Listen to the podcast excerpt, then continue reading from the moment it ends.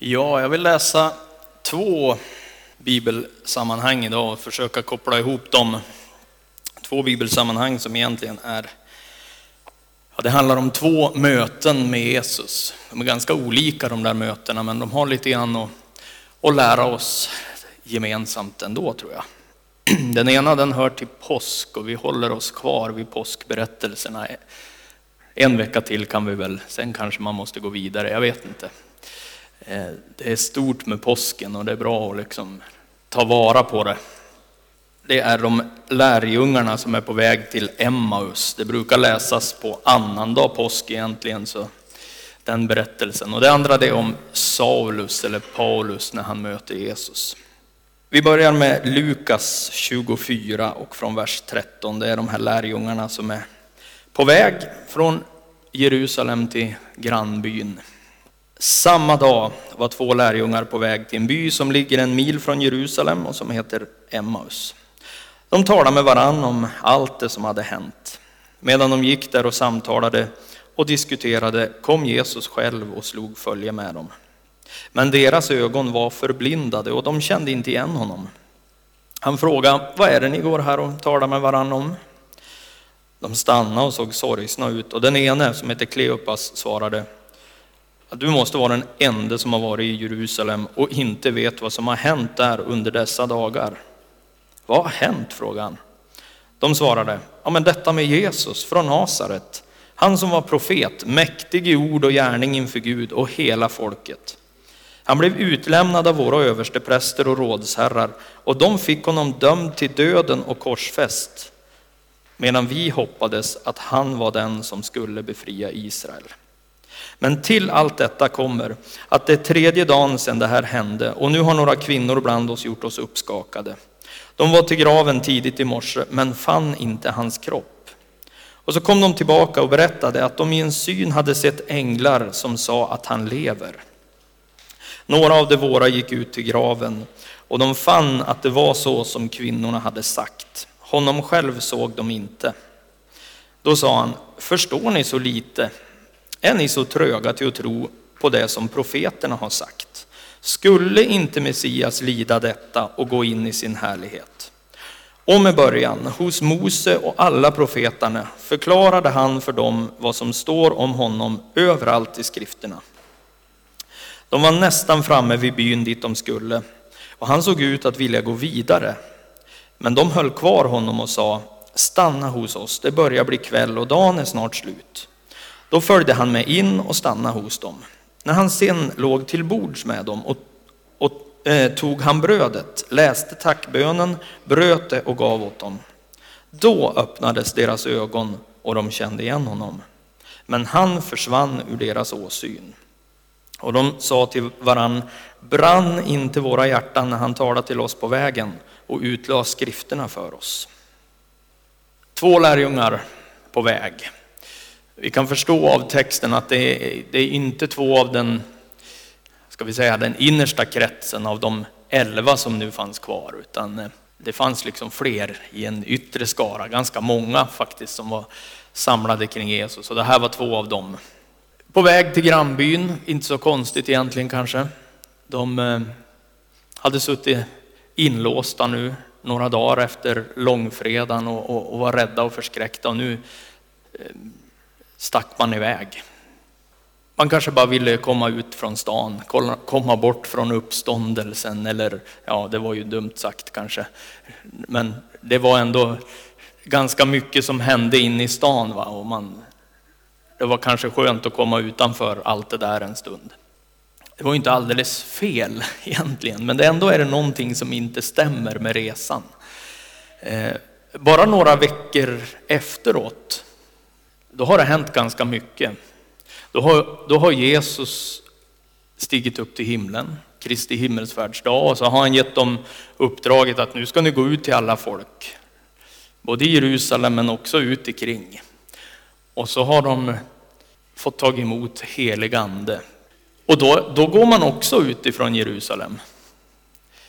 Då lämnar man också Jerusalem, men med lite annan, annan motivation.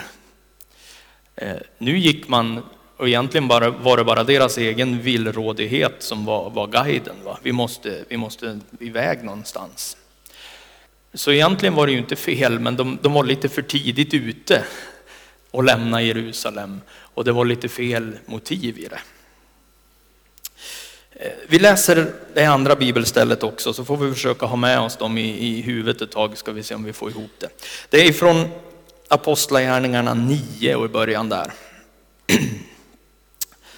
Saul, som ännu rasade av mordlust mot Herrens lärjungar, gick till översteprästen och bad att få med sig brev till synagogorna i Damaskus. Om han fann några som hörde till vägen, män eller kvinnor, så skulle han få fängsla dem och föra dem till Jerusalem. Men när han på sin resa närmade sig Damaskus omgavs han plötsligt av ett bländande ljussken från himlen. Han föll till marken och hörde en röst som sa till honom, Saul, Saul, varför förföljer du mig? Han frågade, vem är du, Herre? Jag är Jesus, den som du förföljer. Stig upp, gå in i stan så får du veta vad du ska göra. Hans reskamrater stod förstummade. De hörde rösten men såg ingen. Saul reste sig upp, men fast hans ögon var öppna kunde han inte se. De tog honom då vid handen och ledde honom in i Damaskus. Och under tre dagar var han blind och han varken åt eller drack. Vi läser vidare där om en liten stund, men här är det en till som är på väg från Jerusalem. Inte riktigt samma väg tror jag som, som de här lärjungarna, jag är inte så geografiskt bevandrad där, men han är på väg utifrån stan. Han har ett tydligt mål och ett tydligt motiv. Det här var ju några år senare. Tron på Jesus hade börjat fått fäste och den här Saul, han, eh, han ville göra allt för att få stopp på det. Han var en rättrogen jude som tyckte att det här var ett rent elände det som spreds. Och så fick han nu då fullmakt ifrån översteprästerna. Han nöjde sig inte med att han hade fått det lite någorlunda i schack inne i Jerusalem. Utan han ville, han ville lite vidare och, och hjälpa till och få stopp på det också på andra håll. Tydlig motivation och på väg ut från stan, men ändå helt galet ur vår synvinkel. Va? I berättelsen med Saul va, så är han, han är tydlig och så får han en tydlig, ett tydligt möte med Jesus. Ljusskenet, rösten och så, du, nu är du inne på fel väg. I berättelsen med Emmausvandrarna så var det ju lite annat. Också på väg men trevande i sin egen sina egna funderingar. Och då blir mötet med Jesus lite annorlunda. Många har strukit under det i den texten och just det här uttrycket, och kom Jesus och slog följe med dem. Där, där behövdes det inget ljussken som liksom sa vad håller ni på med, utan där, där kommer han och slår följe och så tar han lite steg för steg utifrån skrifterna och hjälper dem på traven. Hur var det det var sagt? hur var det det var och så får han styra stegen i deras rådvillhet på något vis. De får hela profilen, hela frälsarprofilen blir tydlig genom de gamla skrifterna men ändå så nådde de, det är liksom som att de inte når ända riktigt fram för de känner inte igen honom. Och Paulus i sitt möte där så presenterar sig ju Jesus och säger du, jag är Jesus, honom som du förföljer. Och det händer någonting i hans liv. Men i bägge de här mötena är det som att de inte riktigt når ända fram. Paulus blir ledd in till stan blind. Och lärjungarna säger själva att vi gick ju där förblindade ögon, men det var något som hade hänt på insidan. Det brann inom oss, men vi kunde inte riktigt se vad det var. Men så finns det en gemensam nämnare i de här berättelserna. När Emmausvandrarna där då sitter till bords, de har bjudit in Jesus och, och så tar han brödet och bryter det och delar ut. Det var ju inte så att han började en, ett nattvardsfirande utifrån den eh, bemärkelsen, det som han hade instiftat på torsdagskvällen, utan här var det ju nattvard, kvällsvard, vanlig kvällsmat. Och det kanske inte var så, så konstigt heller att gästen fick äran att bryta brödet. Eh, jag vet inte hur, hur seden var, men det var liksom helt naturligt egentligen. Va? Men ändå så var det någonting som hände för lärjungarna. För plötsligt kommer liksom bilden tillbaks till skärtorsdagen där försonaren bryter brödet och talar om att det här ska påminna om min förlåtelse.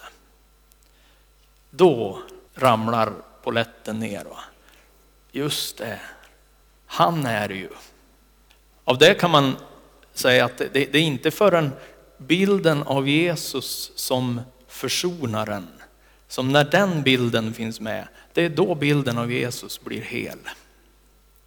De hade med honom hela vägen och han la ut texterna och han berättade, öste ur sin vishet.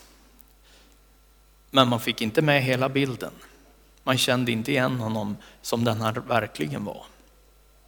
Du kan ha Jesus med dig efter vägen och, och ösa lite grann ur all den vishet han säger. Men det räcker liksom inte.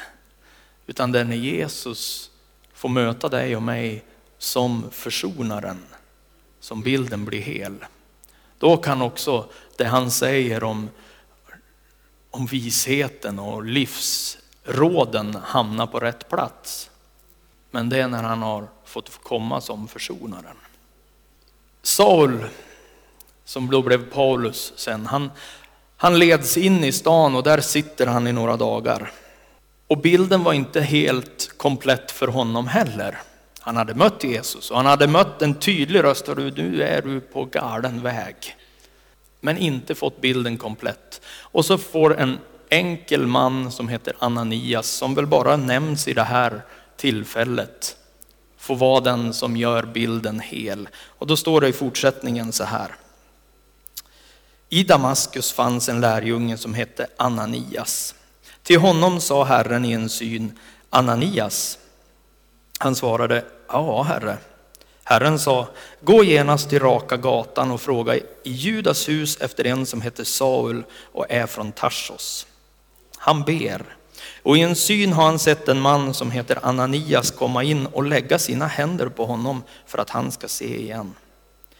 Herre, svarar Ananias, jag har hört från många håll om denna mannen och allt ont han har gjort mot dina heliga i Jerusalem. Och nu är han här med fullmakt från översteprästerna att gripa alla som åkallar ditt namn. Men Herren sa till honom, gå, honom har jag utvalt till mitt redskap. Han ska föra ut mitt namn till hedningar och kungar och Israels folk och jag ska låta honom veta hur mycket han måste lida för mitt namns skull. Ananias gav sig iväg och gick till Judas hus. Han la sina händer på Saul och sa, Saul, min broder, Herren själv, Jesus som visade sig för dig på vägen hit, har sänt mig för att du ska få tillbaks din syn och fyllas av helig ande. Då var det som om fjäll hade fallit från Sauls ögon och han kunde se igen. Han lät genast döpa sig och när han hade ätit återfick han krafterna. Han stannade några dagar hos lärjungarna i Damaskus. Ananias är tveksam och med rätta, vem skulle inte ha varit det? Han hade hört om vad Saul hade ställt till med i Jerusalem. Kanske, var det, kanske hade han vänner själv som nu satt fängslade. Kanske till och med hade fått möta döden, vad vet vi? Därför att Saul var så, så hetsk i sitt hat mot de kristna. Och den mannen får han uppdraget att gå till. Och det krävs lite övertalning. Jag tycker han är ganska lätt övertalad ändå ja, av Gud, eh, trots allt. Han säger, men du förstår du vad han har ställt till med? Ja, men gå du. Ja, då står det, då går han. Jag hade nog lagt upp ett eller två eller kanske tre argument till ja, för min del. Men så går han och så möter han den mannen med de där orden. Saul min broder. Jag tycker det är otroligt. Jag tänker på, Jesus säger någonstans här att den som har fått mycket förlåtet kan visa stor barmhärtighet. Och då, utan att ha någon mer kunskap om Ananias än vad som står i de här verserna så tänker jag att Den karln måste ha mött förlåtelse och känt av Jesu nåd i sitt liv. När han går till den här mannen med det ryktet och det första han gör är att han lägger handen på honom och säger, hör du brorsan, nu är jag här. Den inställningen. Och då händer någonting för Paulus. Där möter han en annan bild av den där Jesus som han mötte på vägen. Då var det ljussken och då var det styrka och då var det, nu är du på fel väg. Här blir bilden komplett. När han möter en som har fått mycket förlåtet och som säger du, trots den du är, så är du min bror. Och så blir det liksom försoningen han möter genom Ananias. Och då är det inte bara det att han ser Jesus rätt, han får ju tillbaka sin syn också, men han får en hel och en rätt bild av Jesus. Jesus skrämmer inte till tro. Jesus försonar till tro. Och jag tror det behöver vi ha med oss också när vi möter människor runt om. Jesus slår följe med människor i den situation och i den villrådighet man är och leder och visar på försoningen. Utifrån det mötet med den försonaren så kan vi sen börja prata om, om jag vill följa honom, vad får det för konsekvenser i mitt liv? Men det tar vi då. Vi börjar i en annan ände. Vi börjar med att möta försonaren. Att börja i fel ände kan bara skrämma och det kan stänga och det kan låsa. Och jag tror att det här kan påminna oss om vad, det, vad som är viktigt att ha med när vi i, våra, i vår enkelhet försöker berätta om Jesus. Alltså vi som församling och du och jag, visst ska vi ge tydlig undervisning om, om vem Jesus är och vad ett kristet liv innebär och alltihop det här. Det behöver vi. Men lärjungarna fick hela gamla testamentets texter om Jesus utlagda för sig och det gick inte upp riktigt förrän de mötte Jesus som försonaren. Då blev bilden rätt. Vi kan presentera Jesus på olika sätt och vi försöker ju det som församling också. Va? Vi har möten och vi har musik och vi har ja, allt vad vi har. Va? Lite ljussken har vi också även om det är grönt här. Och, eh, och försöker på bästa sätt presentera Jesus. Och vi försöker som församling finnas med på, på internet och i sociala media och allt sånt här. Va? För att tala om att här finns det en församling som tror på Jesus. Och det där ska vi göra allt vad vi kan för på alla, o, alla omöjliga sätt. På alla möjliga sätt tala om att här är vi och här finns vi. Men det är när bilden av försonaren kommer fram som det händer något. Då. Och det är när, när någon slår följe med. Eller som i Ananias fall, en enkel lärjunge kommer och säger, du jag är som dig. Jag har också fått mycket förlåtet och jag har mött försonaren. Och jag tycker det, det, är det som vi har uttryckt som längtan som församling också i det här vi har samtalat om lite på sista tiden. Vi, vi önskar som församling att komma ut på ett, på ett bra sätt till människor som inte har mött Jesus. Och vi önskar att bygga en, en gemenskap som är nära. Och det går ju igenom de här texterna också. Slå följe med, finnas där, lägga handen på axeln och säga, du brorsan, jag vet hur det är. Jag har varit där också. Den bilden av försonaren får du och jag föra med oss och föra ut. Det förutsätter kanske också att du och jag om och om igen påminns om vad du och jag har fått försonat och förlåtit. Och att vi, du och jag, om och om igen möter den försonaren. Och det är därför vi möts idag också. Än en gång få påminna oss om vad jag har fått förlåtet, om vad jag får bära med mig. De små kopplingarna mellan de där mötena skulle jag vilja påminna oss om idag och så får vi ta med oss det ut i våra möten med människor i rätt ända på något vis börjar vi med försoningen, försonaren.